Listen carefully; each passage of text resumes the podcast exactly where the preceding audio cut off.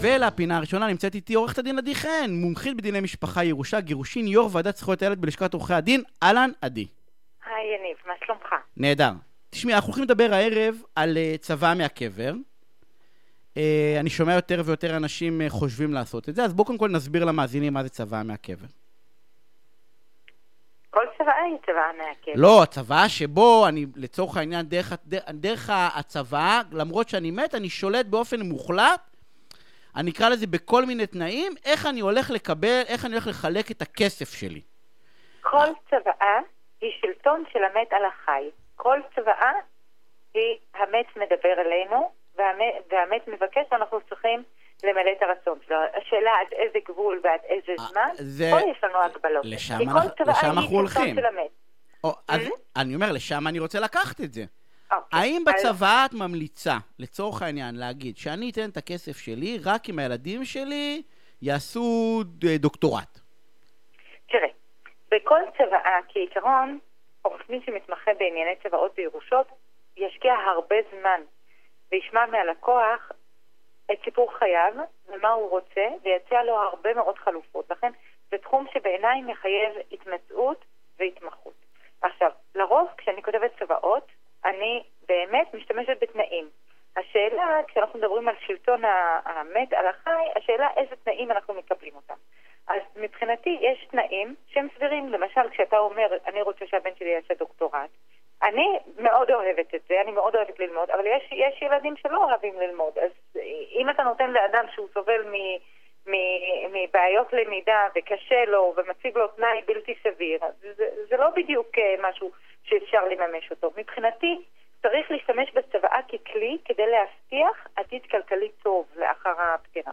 ואני אגיד לך במה, על איזה נקודות אני באמת הייתי שמחה לשים דגש.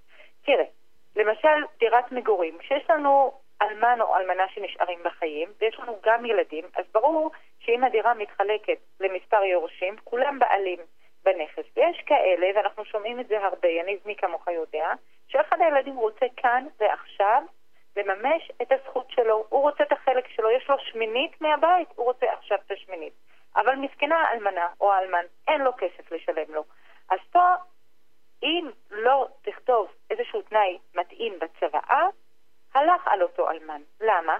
כי אפשר להגיש תביעה לפירוק השיתוף, ומי כמוך יודע שאין הגנה לתביעה כזאת. זאת אומרת, לפרק את כל השיתוף בבית, בדירה, ולמכור את הדירה בשוק החופשי, ואז להתחלק בכסף. ופה אתה בעצם פוגע בתנאי המחיה של האלמן או האלמנה. לכן אני מאוד נוהגת להוסיף תנאים של זכות מגורים. ואפשר גם עוד תנאי, שאם האלמן או האלמנה ילכו אחר כך ויתגוררו ב, אה, בדיור מוגן, אז אפשר גם להשכיר את הנכס הזה וליהנות מהפירות שלו. את אומרת שגם מי שלא רוצה להעביר את הרכוש, לפחות הוא יכול לעשות את זה ולתת איזושהי זכות מגורים להגן בדירה. על בן הזוג על שנשאר בחיים. זה זה א' ב' לדעתי. אז, אז זה לצורך העניין כמעט, לא אגיד, לא אגיד obvious, למרות שלא עושים את זה, אבל זה הבסיס. אבל השאלה עד איזה גבול אני לוקח. אוקיי. השאלה עד איזה גבול אני לוקח את, את היכולת. שלי, או אם. בכלל כדאי, לשלוט במה אה. יעשו בכסף שלי. רק מה, מה יעשו בכסף, בהחלט, אם אני רוצה שהכסף הזה ילך למטרות של אה, הקמת משפחה, לסייע בחתונה, לסייע בלימודים, לסייע בפתיחת משרד, אז כל הדברים האלה, אני יכולה להוסיף אותם בצוואה, והרצון הזה יכובד, הרי בן אדם, זה, זה הקניין שלו. הוא זה שיקבע איך ינוהל הכסף שלו, וצריך לכבד אותו.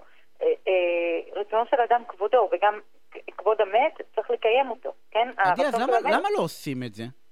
אני לא מכיר. תקשיב, אני לא, אני, לא עושה, אני לא עושה צוואות כמוך, אבל אני סתם מה-common knowledge שלי, בסדר? מהידע הכללי שלי, רוב האנשים עושים צוואות שאני נותן את הכל לאשתי, או לבעלי, או לא משנה, ומה שנשאר ליורשים, אבל, אבל אנשים לא עושים את, את יודעת, תראה, צוואות שלא כאילו אומרים, מה, אני הולך להאמין שיעשו עם הרכוש שלי מה שהם רוצים. לא, ואני בא ואומר, אני יכול להגיד להם, לא, אני מקים קרן, שאולי לימודים לנכדים, ואולי, אז- אה, אני יודע, כל מיני דברים. אחרים.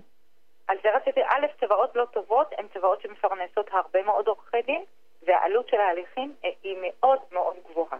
עכשיו, כשיש לי ילדים שהם יורשים, אז אני נוהגת באמת לה, לא- להקים קרן בגוף הצוואה, ולתת הוראות לקרן הזו.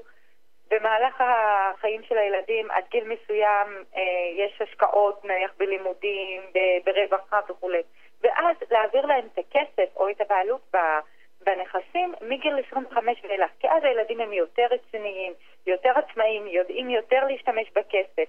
או קח למשל דוגמה אחרת, אתה רוצה לתת לבן שלך. עכשיו, אנחנו עורכי הדין, אני למשל, אני עוסקת בתחום הירושות והגירושין. אני חיה מתיקים כאלה, אוקיי? נושא הגירושין הוא לא משהו שהוא זר לי.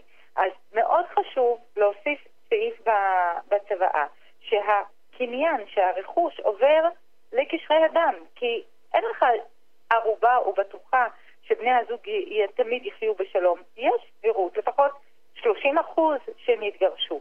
אז מאוד חשוב להגן על הקניין הבין-דורי. זאת אומרת, על הרכוש שמועבר לב... מהסבא לילד, לנכד.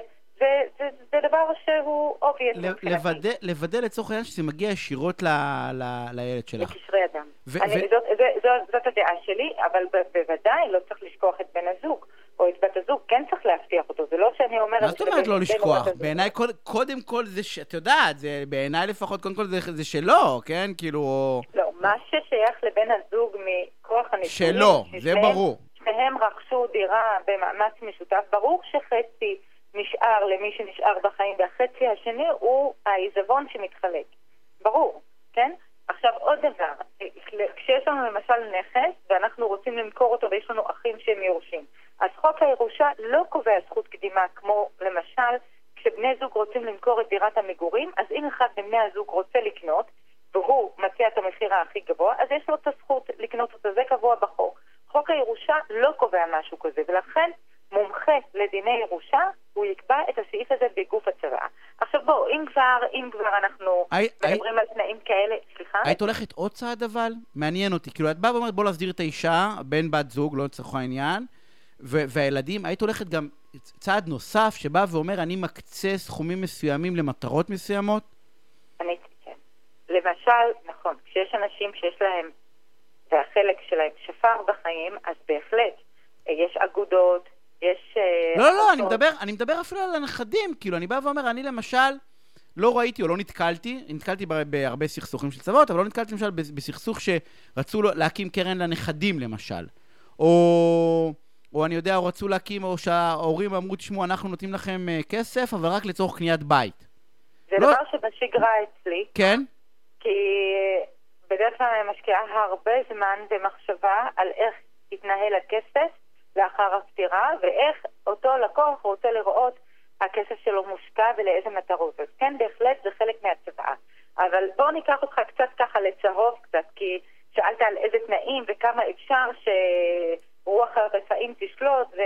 וה... והיד של המת תשלוט מתוך הקבר, אז אני אתן לך כמה דוגמאות שימחישו את הדברים. קדימה. יש לך למשל אדם שהיה מאוד מאוד עמיד, ו... קבע בצוואה שאשתו, האלמנה, תירש את כל הרכוש שלו, ואחריה הילדים, אבל אם היא תתחתן שוב, אז היא אה, מפסידה את הכל. ואז היא התחתנה 16 שנה אחרי שהוא נפטר, ואז קמו הילדים והגישו התנגדות וביקשו את כל הירושה בחזרה. בית המשפט אומר במקרה הזה, היה מספיק שיקבע במשך חמש שנים שהיא לא תתחתן, אבל 16 שנה זה מעל ומעבר. יש לך גם צבאות שאתה, שאתה אה, רואה הוראה שאם הבן שלי יתחתן או יתאלמן, חס וחלילה, אוקיי? אה, אז הוא יוכל לקבל את הכסף. או אה, אתה רואה הוראות, למשל, אה, אם הנכד יגיע ויחיה בישראל. זה למשל משהו שהוא חוקי. כן להביא אותו לישראל. אנחנו חייבים כן, לסיים, אני רק רוצה, אני רק רוצה לסכם. בהשתקעות בישראל, היא חשובה לו, אז בהחלט. אני רוצה לסכם את הפינה הזאת, אנחנו חייבים לסיים. אני רוצה רגע להגיד לך משהו, שאני חושב שמתוך השיחה שלנו צריכים לדעת אנשים, שלא לא להפוך את הצבא למשהו פשוט של אני מחלק את כל הראשון שלי לילדים, אלא ממש יש לכם כוח, וזה לא משנה כמה כסף יש לכם, 100 אלף או שניים וחצי מיליון, זה ממש לא משנה. יש לכם כוח להחליט מה אתם עושים עם הכסף גם אחר כך, בסדר? אתם יכולים לשחרר אותו, אבל אתם יכולים גם לכוון אותו. אבל בגבול גם. אבל בגבול. וצריך לעשות את זה בחוכמה. עדי, אנחנו חייבים לסיים, אני רוצה להודות לך על השיחה הזאת.